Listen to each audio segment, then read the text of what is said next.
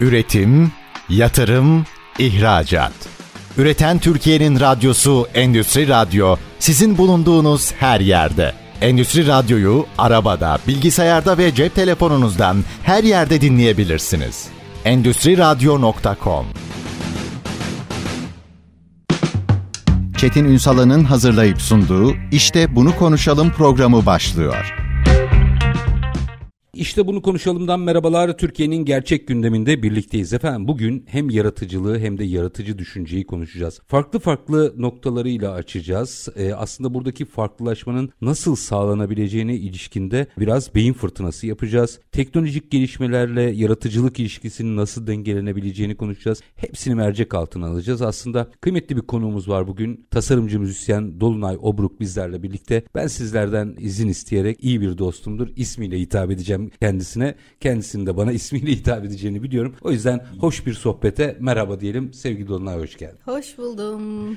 İngiltere'den ayağının tozuyla geldim. Ben hemen dedim ki gel. Evet ee, evet yakaladım çünkü, beni. Çünkü burada enteresan söylemlerim var. Evet burada organizasyonları var ama bu özellikle yaratıcılık, yaratıcı düşünce bununla ilgili çalışmalar yapıyorsun. Herkes bunun yanıtını arıyor ama galiba tanımlayamıyoruz. Gerçekten işin hem sanatçılık tarafı var, müzisyen tarafı var ama asıl tasarımcı, Mimar Sinanlı bir konuğum var bugün. İşin sizlerin işi bu aslında tasarlamak, yaratmak. Biz bugünlerde hep işte yeni şeyler yapalım, yeni e, açılımlar yapalım, know-how yaratalım, tasarımlar yaratalım derken gerçekten yaratıcılığı ayakları yere basarak konuşuyor muyuz? Biraz buradan başlayalım aslında biraz özgüven konusuna bağlanıyor o yaratıcılığın güncel konuşulması. Çünkü mesela yaratıcılık dediğin zaman aslında yarattığımız bir şey yok. Yani hiçbir şey sıfırdan var etmiyoruz. Sadece bu bir bakış açısı, bir perspektif ve bir pratik meselesi. Biz aslında şahit olmadığımız, görmediğimiz, içine doğmadığımız ya da etrafında dolaşmadığımız bir şeyleri bir araya getirip onların dışında bir şey ortaya çıkarmıyoruz. Bu biraz gözlemlemekle de ilgili. Aslında hepimizde var olan bir şey. Şimdi ben sanat okudum. Önce görsel sanatlar okudum. Arkasından müzik okudum. Şimdi mesela felsefeyi de katarsak işin içinde o da yaratıcılık isteyen yani üretmek isteyen bir alan. Şimdi yaratıcılığı genelde sanatçılığa bağlarlar. Sanatçı insan yaratıcı olur. E, gerisi de işte artık tüketici falan oluyor herhalde. o mantıklı evet. Ama şöyle bir gerçek var. Hepimizde yaratıcı düşünme becerisi vardır. Çünkü ben yaratıcılık konuşurken hep çocukları örnek veririm. Çocuklar hiç aklımıza gelmeyecek şeyleri aklımıza gelmeyecek formatlara sokarak oradan bir şey çıkarırlar. Yani bir tane kurşun kalem senin için benim için kurşun kalemdir belki ama bir çocuk için o uçaktır, trendir, silahtır, bir şeydir falan. Onun dünyası çok geniştir ve bunun kalemin şekliyle bile ilgisi yok. Orada herhangi bir cisim olması bile onun için yeterli olabiliyor. Neyi hayal ettiğiyle alakalı. Neyi hayal ettiğiyle alakalı ve biz o çocukları biz de o çocuklardandık yani hepimiz de var. Dolayısıyla zaman içinde işte sosyal statüydü, işte ekonomik koşullardı, yaşam şekli falan derken bir anda kendini bütün o dünyadan, hayal dünyasından uzaklaşmış. Tuhaf bir rasyonel bir tırnak içinde rasyonel bir matrix. Böyle bir şeyin içinde bulduk. Kanun, kural bilmem ne derken kısıtlaya kısıtlaya en sonunda yaratıcılığımızdan kendi inisiyatifimizle vazgeçmiş insanlara dönüşme riskimiz oluyor ki bu çok tehlikeli. Otosansür diyorum ya, ben evet. buna. Kendi umudunu, kendi hayal dünyanı bir kenara bırakıyorsun. Mesela evliliklerde problemler yaşanır. Bir yerden sonra insanlar o noktaya nasıl geldiğini bilemez. O büyük pembe aşk hikayesi bir anda nasıl bir kabusa dönüştü mesela. Ondan önce sen neredeydin? Sen kimdin? Senin ne hayallerin vardı? Bundan ne zaman vazgeçtin? Biri seni bundan vazgeçirmiş olamaz. Çünkü kimsenin kimse üzerinde böyle bir gücü yok sen kendin bir yerde pes etmiş olmalısın. O kırılmayı bulup geri döndüğünde ister iş hayatında ister sosyal hayatında her türlü yaratıcılığına yeniden eline alabiliyor, güçlenebiliyor insan. Düşünme pratiği diyorum ben buna. Aslında temelinde o var. Anahtar o diyelim. Şimdi orada şunu bundan mesela 30 sene önce yaratıcı düşünceye sahip olmaktan vazgeçmek çok büyük arızalara neden olmuyordu. Çünkü rutin yürüyordu. Şimdi öyle bir dönemdeyiz ki eğer yaratıcı düşünceye sahip değilsen geride kalıyorsun. Dünya tamamen neredeyse ekonomisiyle sosyal yaşamıyla buna dönmüş vaziyette. O yüzden eğer personelsen o yaptığın işte, eğer bir şirketsen o şirketin dönüşümünde bunu tekrar keşfetmek gerekiyor. Bir ifade kullandın oraya tekrar geri dönmek istiyorum. Hı. Geri dönüp nerede vazgeçtiğini bulmalısın. Onun yolu ne? bir kere kendine dürüst olmakla başlamak lazım. Şunu yine ben insan gelişiminden örnek vereyim. Çocukla yetişkin arasında fark şudur. Çocukken senin ayakkabını babam bağlar, sen yetişkinsen artık kendi ayakkabını kendin bağlarsın. Biz çocukluk travmalarımızla başlayıp daha sonra hayatımıza giren insanları sırayla suçlaya suçlaya sanki kendimiz böyle bir rüzgara kapılmış da hayatın burasında işte efendim 50 yaşında 40 yaşında kendimizi bulmuşuz bizi oraya biri fırlatmış gibi bir tavrın içine saklanırsak o zaman hiçbir şekilde o kırılmayı göremeyiz. Nerede kendimizden vazgeçtiğimizi göremeyiz. Bunun için şey güzeldir. Eminim oturup kendine dürüst bir şekilde düşününce insan nerede ne zaman farklı bir şey yarattığını, ne zaman o düşünceye sahip olduğunu, ne zaman bir çözüm ürettiğini, kendini ne zaman iyi hissettiğini, kendine ne zaman aferin dediğini hatırlayabilir. Ama işte kendine dürüst olmak ve diğer insanları değil. O bir sorumluluktur. Sorumluluk Hı-hı. almaktır yani. Bağladığın ayakkabı çözülürse senin beni aceleye getirdin senin yüzünden bağlayamadım falan bu bir şey ifade etmez. Kendin bağlayamadığın ayakkabının sorumluluğunu almalı.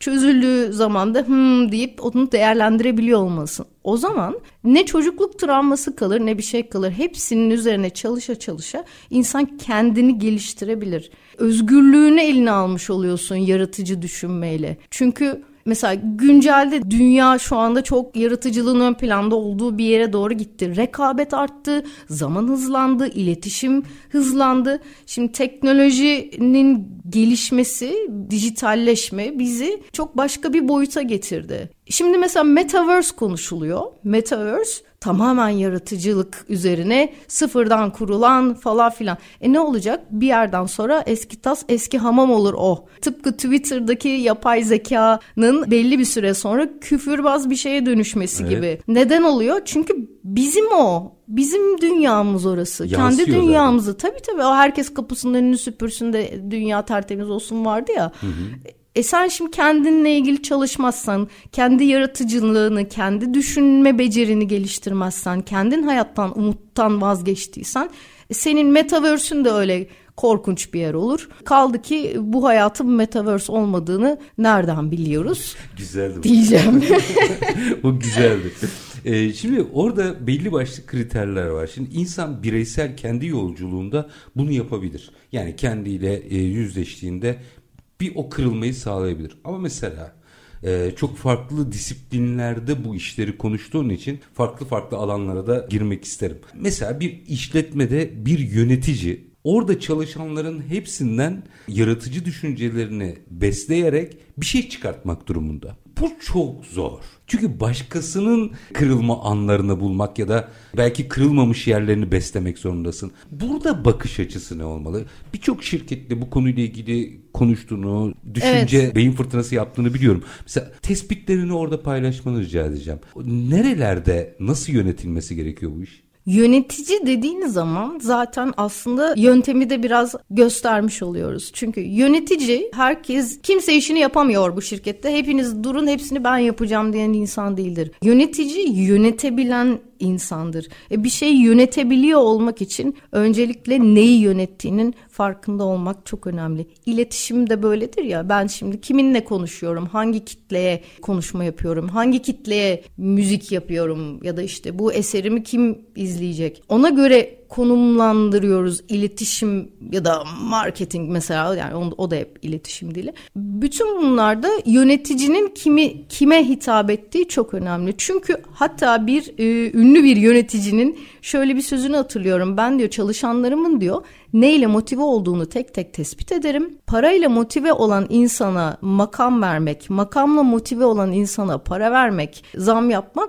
bunlar bir işe yaramaz diyor. Hepimizin motivasyon noktaları var. Hepimizin korkuları var. Ben İngiltere'de Mental Health First Aid diye bir eğitim tamamladım. Açalım onu. Bir üniversitede. Bu tam Türkçesi şey oluyor. Akıl sağ akıl sağlığı demeyeyim ne diyeyim buna psikoloji temelli ilk yardım. Hı hı. Bu ne demek? İşte bir okulda, bir iş yerinde, bir topluluğun içinde çalışanlar, öğrenciler, bir aile bile olabilir bu. Bunun içinde kimin nerede sıkıntısı var psikolojik olarak? Kimin kendine zarar verme, depresyona girme, ya da daha ileri seviyede intihar meyli var. Kimin kendiyle derdi var. O zaman bu şirket çünkü sen şirketin çalışanısın ve senin hayatında işte çevrende mahallende varsa, şiddete tabii. maruz kalıyorsun. Mutsuz geliyorsun. Şimdi şirkette ne olduğunun hiçbir önemi yok ki senin için. Artık sen yoksun orada. Şirket içinde yoksun.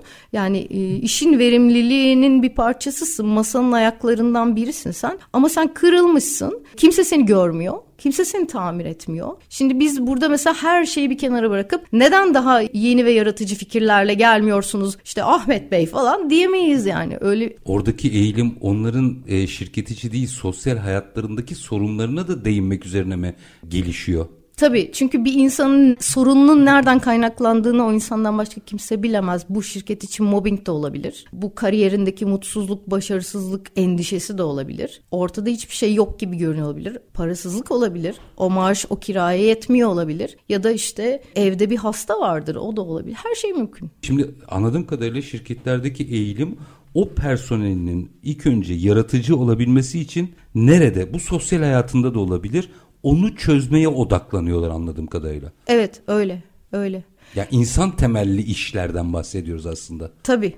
Zaten robotik dünyanın, otomasyonların avantajlı olduğu yerde mesela bu açıdan burası. Onların öyle bir sorunu yok. Onları iş veriyorsun yapıyorlar. Ama bu insan devreye girdiğinde orada sadece iş yerinde yaşadıkları değil sosyal hayatında da yaşadıkları mercek altına alınıyor anladığım Aynen kadarıyla. öyle. Tabii orada metodoloji ne, nasıl yaklaşım sergileniyor biraz oraları da açmak lazım. Çünkü galiba orayı çözdüğümüzde nasıl yaratıcı bireyler, şirketler yaratabiliyoruz biraz oradan açalım biz. Ve tabii bunun çok subjektif bir şey. Biraz yaratıcı düşünceyi de tanımlayarak yapalım bunu. Çünkü hani uçmakla ayakları yere basan yaratıcılık arasında bir fark da var. Onu biraz konuşacağız ama minik bir aranın ardından tasarımcı müzisyen Dolunay Obruk bizlerle birlikte yaratıcılığı ve yaratıcı düşünce biçimini konuşuyoruz. Kısa bir ara lütfen bizden ayrılmayın.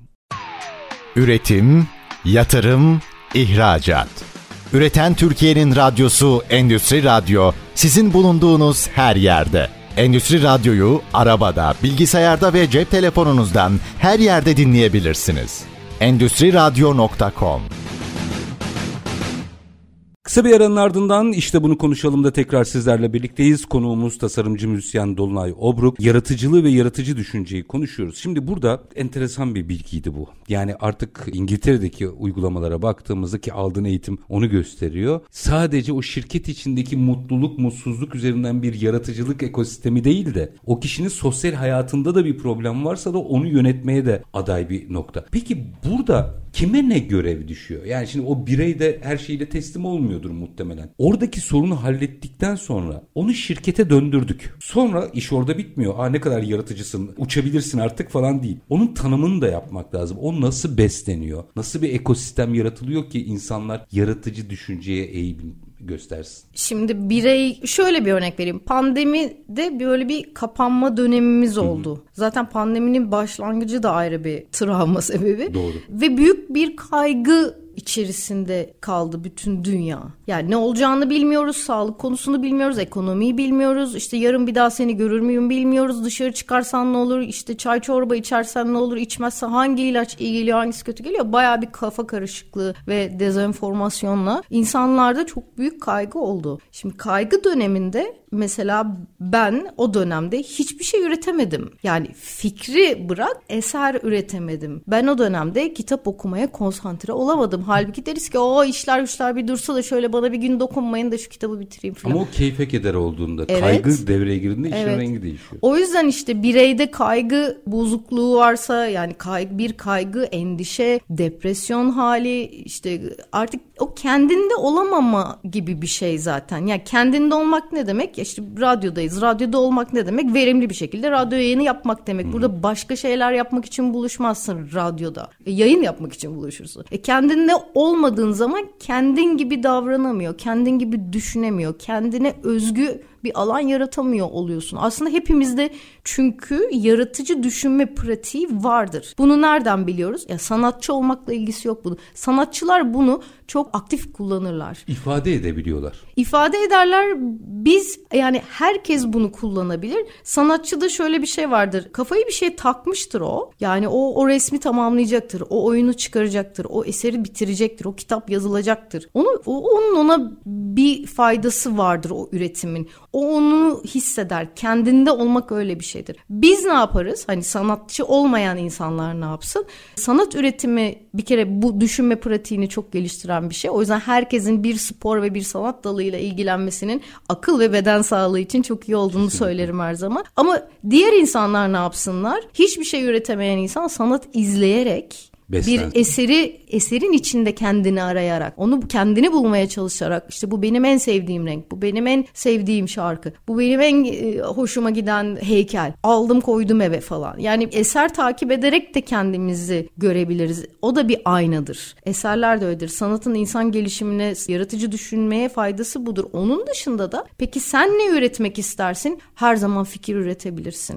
Bu da biraz eğer yaratıcı bir fikir önermek istiyorsan farklı açılardan bakabilme becerisidir. Yani önündeki engelleri kaldıran herkes yaratıcı düşünme pratiği yapmaya başlamıştır. Ve mesela ben bir fikirle ortaya çıktım ve sen dedin ki o çok saçma olmaz yürümez bilmem ne çok kötü falan. O ki toplumda çoktur. Tabii. Benim burada alacağım bir karar vardır. Orası bir yol ayrımıdır. Ya senle görüşmeyi sürdürür ve hiçbir zaman o fikrimi hayata geçiremem. Ya da ben o fikrin bir yere varacağına inanıyorsam seninle ilişkimi keserim. Seni hayatımdan yolumdan çekerim hata bile yapıyorsam kendi inisiyatifimle yapar. Hatamın sonucundan da farklı bir yaratıcı düşünme pratiğine başlarım. Bu mesela iş hayatı açısından baktığında iş yerleri ve çalışan içinde aynı durum sanıyorum. Tabii. Mesela o yetki... büyük istifalar falan böyle çıkıyor sanıyorum muhtemelen. E tabii babam kurumsal hayatı bırakıp freelance, serbest bir e, işte ben hep tostçu açmak istemiştim. Açtım noktasında insanlar öyle geliyor. Ya da işte Ferrari'yi satma kararı o bilgeye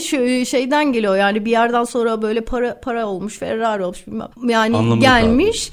E sonra sonra e sen neden şimdi bunun için bu kadar uğraştın? Çünkü sana öyle dediler. Hani başarı parayla gelir, başarı markayla gelir, sosyal statüyle gelir. Peki herkesin başarı anlayışı farklı olsa gerek mesela senin kendi iş dünyandaki başarı yolculuğun nereden nereye? Çocukken mesela kendini en başarılı hissettiği zaman ne zamandı? O, orada bir para, orada bir marka, orada bir şey yoktu. Orada sadece sen vardın. İşte çamurda oynadığın e, bahçe vardı ya da işte kurşun kalemden uçak vardı yani bilmiyoruz oraları. Oradaki yaratıcı düşünme hayatta her yerde kullanabileceğimiz bir basit bir formüldür aslında. Şimdi tam orayı biraz açalım şirketleri ve yetişmiş yetişkinleri bir kenara bırakalım. Hı hı. Çünkü çocuklar üzerinden atölye çalışmaları yapıp aslında o pratiği çocukların üzerinde görüyorsun. Evet. Hadi bize çocukların tes, çocuklardaki tespiti yaparsak aslında biz bunu her yaş grubuna bir şekilde adapte edebiliriz. Çocuklarla o atölyelerde nelere şahit oluyorsun? Ben felsefe atölyeleri yapıyorum çocuklarla. Felsefe sözcüğünden anne babalar korktuğu için buna yaratıcı düşünme atölyeleri dedim. Çok güzel. Gerçek bir reklamcı gibi. Şimdi aslında çocuklarla çalışırken ben şunu görüyorum hep. Çocuklar o kadar pratik içindeler ki zaten bir süre sonra ben çocuklarla niye çalışıyorum diyorum. Bir müzik dinletiyorum. Ne renk bu şarkı diyorum. Çocuk diyor ki tabii ki yeşil. Anne saçma bir soru ya. Böyle bir sorum olabilir. Yeşil yani şarkının niye rengi. Yeşil onu bilmiyoruz tabii. Ha, ama bir yetişkine bunu sorduğunda şarkının rengi mi? Ne, ne içmiş, ne yemiş, buna ne olmuş, kafasına ne düşmüş falan gibi bir tepki. Halbuki neden olmasın? Sen sen bak ne kadar sabit düşünmüşsün hayatında. Unutmuşsun çocukken o yaratıcı düşünme pratiğini kaybetmişsin. Yetişkin hayatında kendini kendi bir, bir dünyanı kapatmışsın mesela. Bu Şimdi bu arada bir, yönetici dedi. Dur, vaka bir bir dakika. Ha. Demek ki aslında yaratıcı düşüncede hayal etmenin önüne bir takım ön yargılar koyuyoruz. Şimdi evet. Çocuklardan yetişkinlere mukayese yaptığımda vaka bir bu. Tabii. Bir şey diyordun ben araya girdim. İşte İş sosyal kurallar, ilgili. ekonomi, Hı-hı. başka yaptırımlar. Bir sürü so- gerekçe olabilir. Neydi? Sokak mahalle baskısı. Mahalle ha. baskısı.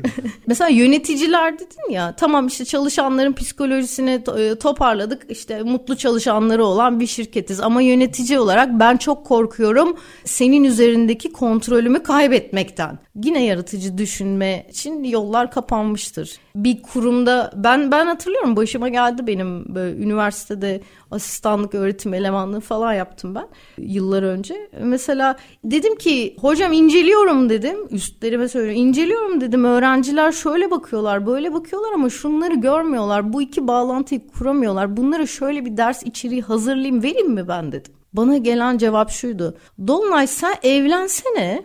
Bak. İyice çıkarmanın başka bir tercümesi bu tabii. Ne alakası var Çünkü şimdi düz, konumuzla var. Düzeni bozma hikayesi tabii, tabii. bu o bir, ama çözüm üretiyor kendince yani beni evlendirerek. Üniversiteden uzaklaştırmanın metodu Evet evet evinin kadını çocuklarını tamam o da olsun da şimdi peki bu çocuklara kim bakacak pardon. Aynen. Biz orada idealist bir dünyada değil miyiz insan? Neden eğitim vermek istesin? İşi gücü bırakıp e, yani öğretmen maaşlarıyla da Honolulu'da tatile gitmiyor kimse yani. Aynen öyle. Şimdi bu bu örnek aslında hayatın her alanında birbirimizi frenlediğimizi gösteriyor. Öyle. Bu arada beni sevdiği için öneriyor. Tabii, hani tabii, icat çıkarma ediyorum. başını yakarsın.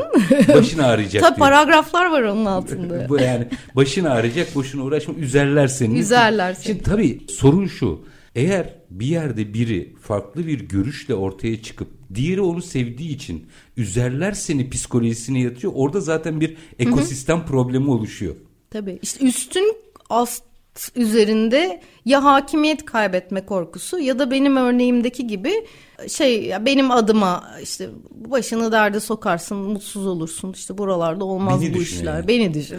Güzel. Kıyamam. Ya, şimdi orada Şimdi çocuklar var. Çocuk atölyelerinden Hı-hı. yine yetişkinlerle mukayese yapacağım. Hı-hı. Ki bu yetişkinler çalışan olabilir, işveren olabilir, yönetici olabilir, müzisyen olabilir. Hayatın her alanında bir profesyonel olabilir. Bir, bir sınır var yaratıcı düşüncede. Çünkü yaratıcı düşüncenin bir şekilde hayata da geçmesi gerekiyor. Eğer Hı hı. iş dünyasından bahsediyorsak. Doğru. Hayal kurmak serbest. Onda hiçbir problem yok. Bütün dünyadan da bahsedebiliriz. Evet, sırf iş tabii, dünyası tabii, sırf değil. Evet. Yani endüstriyel de, denir yani. Hı hı. Evet bir dakika bunu çok güzel söyleyeyim. Yıllarca logo tasarlayan bir isim. Evet. Şimdi bir logo yaparsın ama hani o müşteri der ki ya tamam da bunu sektöre çıkarttığımızda o nokta, o denge noktası ne? İşte mesela müşteriyle karşılaşılan iş kollarında bu çok yaşanan bir şey. Zaten bilgiye hazır olmayan insanı e, hiçbir bilgiyi aktaramazsın. Yani zaten bilmekle bilgelik çok farklı şeyler. O bilgiyi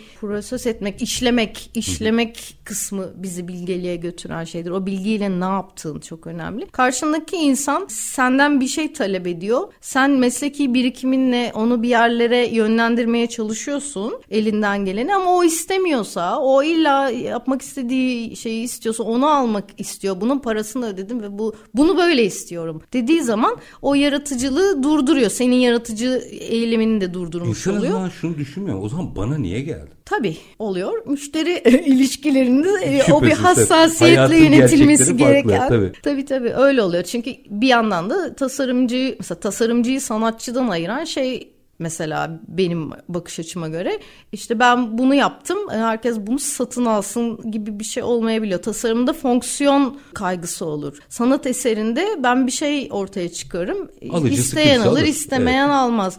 Ee, ama tasarımda benim çıkardığım şey e, çok güzel görünüyor olsa bile bir işe yaramıyorsa zaten onu talep düşer. Ya fonksiyon falan giriyor orada işin içine. Şöyle bir şey var. Bak bunu çok duyuyoruz. Son zamanlarda daha da çok duyuyoruz. Ee, girişimci yaratıcıdır mesela. Hmm. Ee, girişimci girişimcilik dünyasında şöyle şeyler var. Bu benim aklıma gelmişti. Ben 10 yıl önce hatırlıyor musun sana demiştim. Onu bilmem ne yapsak da şöyle bir iş kursak demiştim falan. Fikirler herkesin aklına gelir. O sırada işte televizyonda reklam başlar. Sen kafanı çevirirsin onu görürsün. Dikkat dağılır. Biri bir şey der telefon çalar filan. E, senin aklına gelmiştir o. Doğrudur. Belki daha da güzeli gelmiştir. Ama burada Önemli olan gücü kullanmaktır. Güç dediğimde eylem. o düşünceyi eyleme çevirebildiğin zaman o düşünce süreklilik arz eder. Yoksa soyut bir şeydir o. Sen onu somut olarak bir adıma çevirirsin. Yani bir fikir yaratmak değil de o fikri yaratırken Uygulamak. hayata geçirmek de evet, önemli. Evet. Sanıyorum bu denge noktası bu. Beslenmesi gereken nokta da o sanki. Beslenme yöntemleri var mı onun? İşte o cesaretle kendi kendi gücünle bağlantı kurmak, kendi içindeki güçle harekete geçebilme gücü. Burada hepimiz bir fikirdeyiz ve ben başka bir fikirdeyim. Herkes siyah derken ben beyaz diyorum. Çünkü benim öyle bir bakış açım varsa toplum bunu istiyor. Herkes siyah diyor. Biri yanılıyorsa o da benimdir diye bunu kabul etmeyip kendi düşünceniz düşünceni sahiplenmek bu. Ama bunu da sabit fikre çevirmemek lazım. Sınır dedin ya. Mesela e, benim çok yaratıcı bir fikrim var ve herkese zarar veriyor ama bu şahane bir fikir falan. Şimdi e, çok parametre var yani onu onu yönetebiliyor da olmak lazım. Doğru zaman, doğru mekan. Bir olgunluk seviyesine gerektiriyor. Yani sadece kişisel olgunluktan bahsetmiyorum. Ortam olgunluğu da sanıyorum. Tabii tabii. Bu özgürlüğümüzün tanımı seninkinin başladığı yerde benim özgürlüğüm bitiyor gibi bir iletişim içindeyiz. Bir ortak hayatı paylaşıyoruz. O zaman şimdi minik bir araya gideceğim. Aranın ardından teknolojik gelişmelerle bu yaratıcılık veya yaratıcı düşünceyi konuşmak istiyorum. Biliyorum ki bu konuyla ilgili de çok çalışıyorsun. Yani İngiltere'de dijitalleşme, Endüstri 4.0 müthiş işlere imza attığını biliyorum. Biraz bu ilişkiyi de kurmak isterim. Yani evet yaratıcı düşünce, yaratıcılık ve yeni teknoloji. Minik bir aranın ardından açalım bunu da efendim. Tasarımcı müzisyen Dolunay Obruk bizlerle birlikte kısa bir ara. Aranın ardından ne yapıyoruz? İşte bunu konuşalım diyoruz. Lütfen bizden ayrılmayın. Üretim, yatırım, ihracat. Üreten Türkiye'nin radyosu Endüstri Radyo sizin bulunduğunuz her yerde. Endüstri Radyo'yu arabada, bilgisayarda ve cep telefonunuzdan her yerde dinleyebilirsiniz. Endüstri Radyo.com Kısa bir aranın ardından işte bunu konuşalım da tekrar sizlerle birlikteyiz. Konuğumuz tasarımcı müzisyen Dolunay Obruk. Ben yine radyolarını ilk defa açanlar için dile getireyim. Eski bir dostum da olduğu için, sevdiğim bir dostum da olduğu için ismiyle, birbirimize ismimizle hitap ediyoruz. Onun iznini almış olayım. Şimdi Dolunay aslında yaratıcılığı ve yaratıcı düşünceyi konuştuk. Belli bir noktada aslında nerelerde tıkandığımızı da görüyoruz. Şimdi bu işler eskiden biraz daha kolaydı. Defans yapan içinde yaratıcılığı, yaratıcı yıkım yapan içinde kolaydı. Her şey çok çok netti. Şimdi geldik bir Endüstri 4.0'la başlayan dijitalleşme çağına. Teknoloji bambaşka şeyleri getiriyor. Biliyorum burada da hem programlar yaptın, orada Endüstri 4.0 ile ilgili seminerler yaptın. Yani şeyi müzisyenliği bile Endüstri 4.0'la bağdaştırmış bir isim olarak sorayım. Peki yaratıcılığı düşünce üst başına açtığımda teknoloji burayı nasıl etkiliyor ve biz onu nasıl kullanırız? Bunu bir şeye saplarsam o zaman daha da iyi tutarım o şeyi falan gibi böyle mantık kurduğumuzda zaten yaratıcı düşünmeden yararlanmış oluyoruz. Dolayısıyla elimizdeki dijital materyaller birer araç. Yani hepimizin cebinde cep telefonu var. Kimisi sadece telefonla konuşuyor, kimisi oradan tüm aşk hayatını yönetiyor. İşte kimisi oradan araştırmalar yapıyor. Aynı telefon üstünden bir sürü insan, aynı cihaz üstünden bir sürü insan farklı farklı konulara yatırım yapıyor ya da televizyon yani senin televizyonda izlediğin şey senin kendine yaptığın yatırımdır. Zamanını değerlendiriyorsun, zamanını yatırıyorsun oraya. E şimdi ekranlar, dijital araçlar bunlar hepsi bizim için. Bunlarla yaratıcılığımızı geliştirme yatırımını yapmak kararı da bizim elimizde ya da bunu bu yaratıcılığı köreltmek de bizim elimizde. Mesela algoritmalar, şimdi algoritma dünyasındayız. Data çok değerli, bilgi çok değerli. Yani senin benim için değerli olan bilgi teknolojinin, dijitalleşmenin gelişimi açısından da çok değerli. Kaldı ki yapay zeka tamamen bunun üstünde kurulu bir sistem. E şimdi bu datalar orada birikiyor, işleniyor, yönleniyor. Sen ben datayız aslında.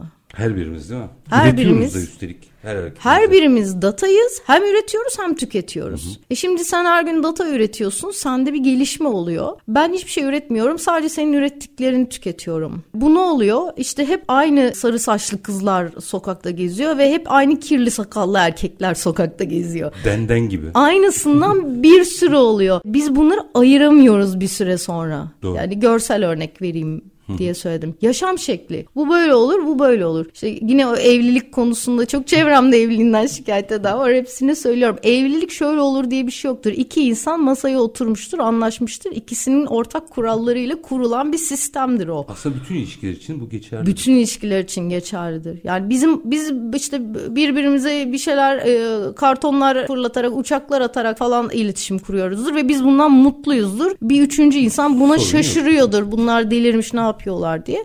O onun problemidir yani. Biz anlaşıyorsak konu kapanmıştır zaten. Hı hı. Şimdi algoritmalar da datalarla besleniyor ve gelişiyor. E şimdi orada mesela sürekli bana aynı müziği dinleten bir algoritma beni geliştiremediği gibi benim hakkımda doğru düzgün bilgi sahibi de olamadığını ispat ediyor bana. Bir ara şeyler öyleydi işte izlediğimiz yayınlar ya da dinlediğimiz o streaming şey platformları. Streamingin Türkçesi neydi ya? Herkes o adıyla biliyor zaten. İşte bunlar artık terminoloji oldu biraz. O yüzden dilimizden çıkmak durumunda kalıyorum. Şimdi bu platformlar sana bir şey dinletirken senin davranışlarını da takip ediyor. Ama algoritmayı güzel kuramamışsa senden edindiği bilgi senin sürekli klasik müzik dinlediğin. Halbuki senin belli bir saatten sonra için şişiyor ve sen heavy metale geçmek istiyor olabilirsin. Ama elimizde yeterince data yok senin hangi zihin seviyesinde e, heavy metal dinlemeye karar vermen. Kitlemişsin orada kendini. Kitlemişsin duruyor da duruyor sana Vivaldi'den Baha herkesi dinletiyor filan. Ama senin mesela günün sonunda yaşadığın şey ne oluyor? Sen klasik müzikten başka hiçbir şey bilmeyen bir insana dönüşüyorsun. E ne oldu senin gelişimin? Tek düz oldun. Tabii. Hep aynı sarışın kadın oldun sen de filan yani. Hı hı kirli sakallı adam oldun. Niye? Bütün televizyon ekranında babam isyan etti de geçen gün. Bunların hepsi aynı değil mi ya? evet, evet dizilerde gerçekten. herkes kirli sakallı ve sarışın.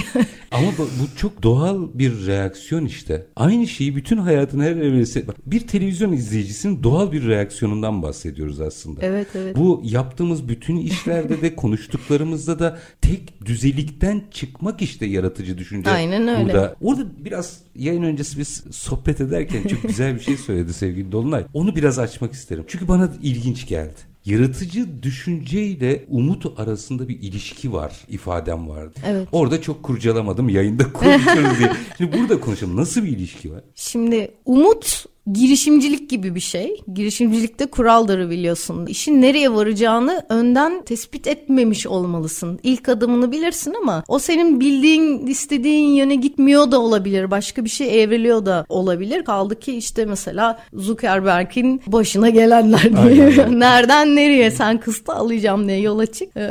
Devasa kendini, bir e, Kendini Amerikan seçimlerinde bul falan ya. Manipülasyonun kralı ol bir şey. Şimdi yola yola bir çıkış vardır. Umut da böyledir. Sonunu görmezsin ama inanırsın. Orada bir inanç var. Umut çok değerli bir inançtır. Umudun tükendiği yerde kabulleniş başlar zaten. Çünkü insan her şeye alışır. Yani şu anda bir odadayız bu yayını yaparken. Bu odada kapalı kalarak biz 30 yıl daha yaşayabilir miyiz? Yaşarız. Kendi sistemimizi evet. kurarız. İşte efendim şuradan yemek buluruz, oradan bir şey yaparız. Bir şekilde buna uyum sağlayabiliriz. Ben Hindistan'ı gezdim. Konser de yaptım Hindistan'da. Öyle hayatlar gördüm ki aman tanrım falan buradan bakınca korkunç bir hayat yani. Kim bilir benim hayatıma da bir bakan bir başkası ay zavallı ne ne hayat yaşıyor bu kıyamam falan diyordur. bakıyor. Tabii tabii öyle bir şey o. Ama mesela içeride sen kendi hayatının sınırlarını genişletebilecek gücü, yaratıcı düşünceyi, e, bunu eyleme geçirecek gücü fakat bunların hepsinden önce motivasyon olarak o umudu yaşatabilirsen bu gerçekleşir ve sen kendi sınırlarını kendin aşarsın. Seninki de hayat bu nasıl yaşıyorsun Çetin dediğim zaman bu sana hiçbir şey ifade etmez. Çünkü sen o hayatı seçtin zaten. Ama sen kendin için böyle düşünüyorsan işte hareket orada başlıyor zaten. O, o zaman başlıyorsun e, bir şeyler düşünmeye. Düşünmeye, çağrı arıyorsun. Zaten yaratıcı düşünme eşittir cevap bulmak. O yüzden zaten bu teknoloji, bu sanayi devrim bize çok uygun gelmedi mi? Yani biz hep sistemsizlik içinde bir çözüm arıyoruz arayan insanlar olduğumuz için galiba o yüzden bize çok avantajlı geldi. Zaten insanoğlunun da kapalı kaldığı hayat mekanizması böyle işliyor. Yani ilk insanla oturup konuşmak ister misin bu konuyu mesela? Nereden nereye getirmiş hayat? Ya evet yani bir şekilde sorununa çözüm bulmuş aslında. Şeyi bir söz var kimin sözü bilmiyorum şu anda hatırlayamadım. bütün icatlar tembeller tarafından bulunmuştur diyor. ee, yani çünkü tembel insan yaratıcı evet, olur yani diye de duydum ben onu. Onu yapmamak için bir çözüm bulur ve o aslında bir icadın da kapısını açar diye. Aslında burada hani tembeldir değildir ama temelde galiba o konfor alanını bozmakla alakalı. Tabii üşenirsin mesela evet. yani ay işte buradan oraya bağırmaya üşeniyorum dur telefonu icat edeyim gibi, bir tane gibi. de sana vereyim ararım seni. Tabii yani pratik düşünme işte shortcutlarda kısa yollar evet, evet. kısa yollar ben kısa yol çok severim böyle üşendiğim için bir sürü şey. Ama o işte yaratıcılığı destekliyor zaten büyük bir ihtimalle. Belki şirketlerde bu personel de olsanız, yönetici de olsanız, şirketin sahibi de olsanız bunu biraz serbest bırakmak lazım. Öneri sistemleri geliştirmek lazım. Belki de herkes çalıştığı birimle ilgili bir öneride bulunacak ve yaratıcılık çıkacak. Öyle, öyle. Çözüm üretme, cevap bulma pratiği işte. En azından e, ya sen artık evlen demeyecek yani. ya en azından evleneceksem de evlenmek için evleneyim yani. icat çıkarmanın alternatifi olarak değil. bu icat çıkarmanın en duyduğum yaratıcı bahanesiydi bu. Şimdi 5 dakikam var. 5 dakikada şunu da biraz konuşmak isterim. İngiltere üzerinden tespitlerini, bu ekosistemi biraz aktarmanı rica edeceğim. Gördüğün ne? Bizim yapmamız gereken eksiğimiz fazlamız. Ne? Oradan biraz hani dışarıdan bakabilme şansın olduğu için Hı hı. Burada da çok aktifsin ama halen ama dışarıdan bakabilme şansın olduğu için biz bazen ormanın içine içindeyiz ve göremiyoruz. Tespit ettiğinde eksiğimiz fazlamız ne bizim bu ekosistem adına? Şöyle söyleyeyim. Bir kere benim İngiltere'ye gidiş yolum farklardan bir tanesi. Global Talent diye özel yetenek vizesi diye bir sistemle gittim ben. Bu ne demek? Ee, sanat kariyerimin e, aslında İngiltere gibi köklü bir açıdan snob.